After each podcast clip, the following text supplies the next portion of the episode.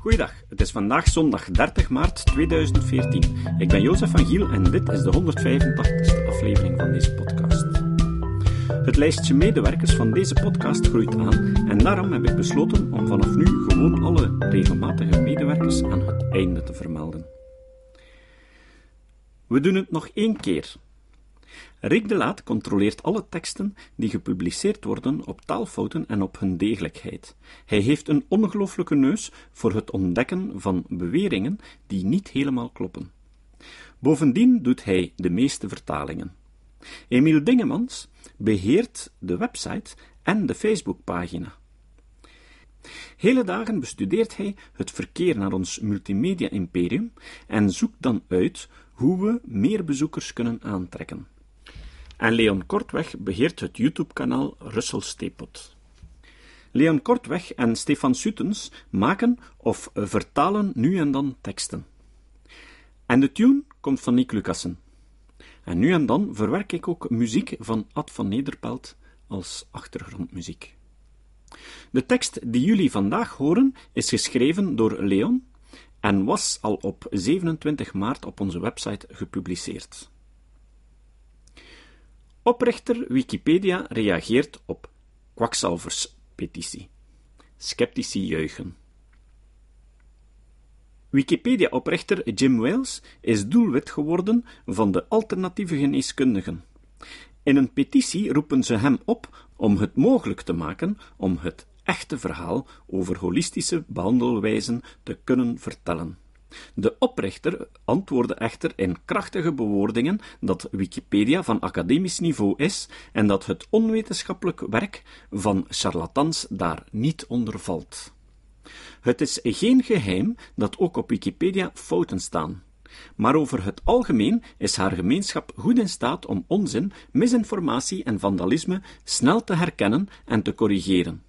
Hoe langer Wikipedia bestaat, hoe hoger de kwaliteit wordt van de meertalige online encyclopedie, die met ruim 30 miljoen artikelen wereldwijd de zesde website is naar populariteit. Steeds vaker worden wetenschappelijke artikelen als de leidraad voor encyclopedische inhoud genomen. Het gewicht van collegiaal getoetste artikelen van erkende wetenschappelijke instituten weegt steeds zwaarder. Daardoor moeten pseudowetenschappelijke beweringen, religieuze onzin, paranormaal geneuzel, kwakzalvende nonsens en complottheoretische kletskoek steeds vaker het onderspit delven. Lieden die echter geloven in dat soort zaken en anderen ervan willen overtuigen, klagen van tijd tot tijd dat Wikipedia bevooroordeeld zou zijn. Soms lanceren ze hun eigen internetencyclopedie, waar ze hun onwetenschappelijke opvattingen alsnog kwijt kunnen. Bijvoorbeeld Conservapedia van conservatieve Amerikaanse christenen. Anderen proberen door allerlei acties het tij op Wikipedia zelf te keren. De niet geaccrediteerde Association for Comprehensive Energy Psychology, ASEP, wat dat ook mogen betekenen, behoort tot de laatste. In een onlangs gestarte petitie tegen Jimmy Jimbo Wales, medeoprichter en baas van Wikipedia, roepen ze op om een nieuw beeld te creëren en af te dwingen dat een echt wetenschappelijk discours mogelijk maakt over holistische benaderingen van genezing. Wat verstaan de alternatievelingen met holistisch? Er wordt gul rondgestrooid met geleerd klinkende termen als energiegeneeskunde, energiepsychologie, emotionele vrijheidstechnieken, gedachtenveldtherapie en tapas accu-druktechniek. De gemiddelde lezer zal nu al de wenkbrauwen doen fronsen. De scepticus zal moeten oppassen zichzelf niet te veel pijn te doen, terwijl die geïrriteerd met de hand tegen het voorhoofd slaat. Om haar zaak kracht bij te zetten, schermt de ASEP met een citaat van Larry Singer, de andere oprichter van Wikipedia, die het project in onvrede verliet. Die zei ooit: in bepaalde velden en sommige onderwerpen zijn er groepen die samenscholen rond artikelen en volharden ze eruit te laten zien zoals hun eigen voorkeur. Er is geen waardig mechanisme waarmee artikelen gekeurd kunnen worden. De ASEP klaagt dat de artikelen over complementaire alternatieve geneeswijzen onterecht een negatief en onwetenschappelijk oordeel krijgen. Deze pagina's zouden worden beheerst door een paar zelfbenoemde sceptici, die als feitelijke censors van Wikipedia optreden.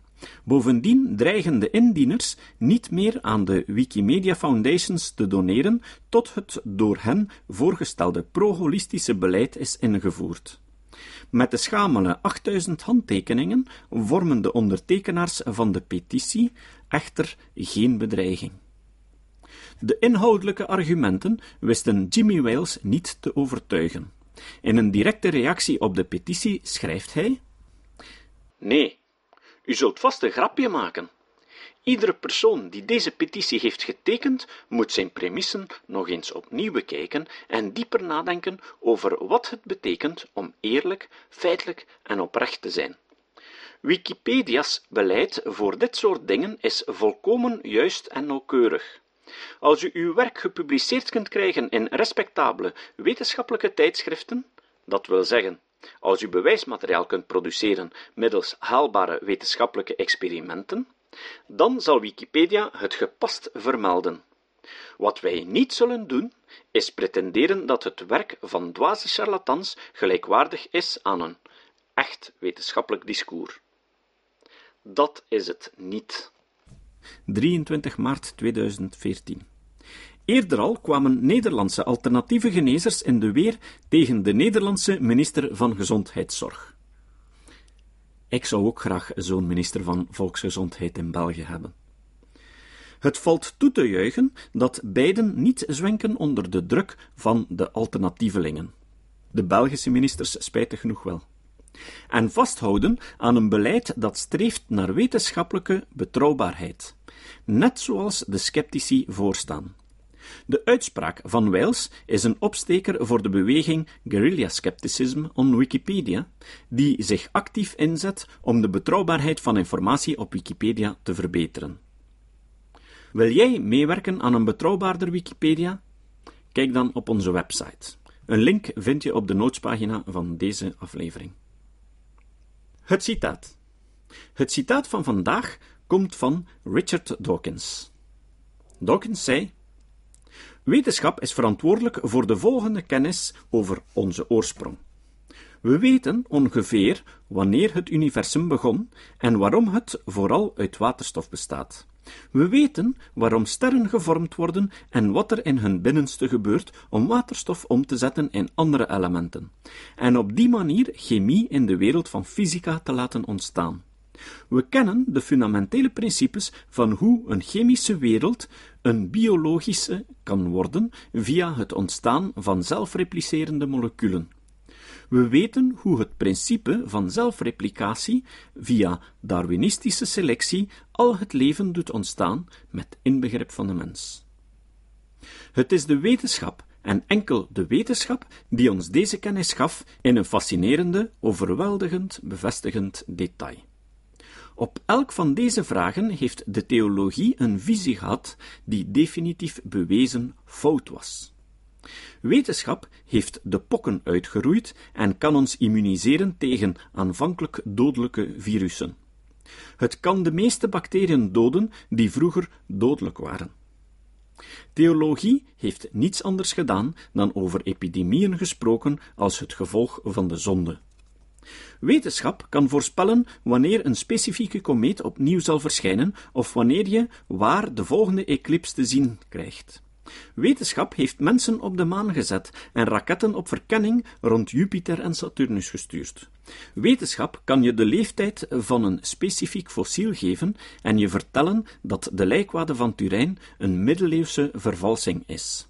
Wetenschap kent de precieze DNA-instructies van verschillende virussen en onlangs deden we hetzelfde voor het menselijke genoom. Wat heeft theologie ooit beweerd dat ook maar van enig nut is voor gelijk wie? Wanneer heeft theologie ooit iets gezegd dat aantoonbaar juist is en niet evident? Ik heb naar theologen geluisterd, hen gelezen, tegen hen gedebatteerd, en ik heb hen nooit iets horen zeggen dat een minimaal nut heeft, iets dat niet ofwel simpelweg voor de hand liggend was, ofwel ronduit verkeerd. Indien morgen alle wetenschappelijke verwezenlijkingen zouden worden uitgeveegd, zouden er geen artsen meer zijn, maar enkel nog tovergenezers. Geen sneller transport dan paarden, geen computers, geen gedrukte boeken, geen landbouw buiten eigen levensonderhoud. Indien morgen alle theologische verwezenlijkingen zouden worden uitgeveegd, zou er dan iemand ook maar het kleinste verschil merken? De verwezenlijkingen van theologen doen niets, beïnvloeden niets, het doet denken dat theologie een lege doos is. Tot de volgende keer. Dit was de podcast Kritisch Denken. Vergeet niet om alles kritisch te behandelen, ook deze podcast. Voor verdere informatie over deze podcast, links en voor de tekst, surf naar www.kritischdenken.info. Als je deze podcast belangrijk vindt, kun je me steunen door anderen warm te maken ook eens te luisteren. Stuur een e-mail naar vrienden met een link naar de website en plaats de link in de handtekening van je e-mails. Tevens kun je op iTunes deze podcast een beoordeling geven of een recensie schrijven. Of je kan op je eigen website of blog een link naar kritisch denken plaatsen.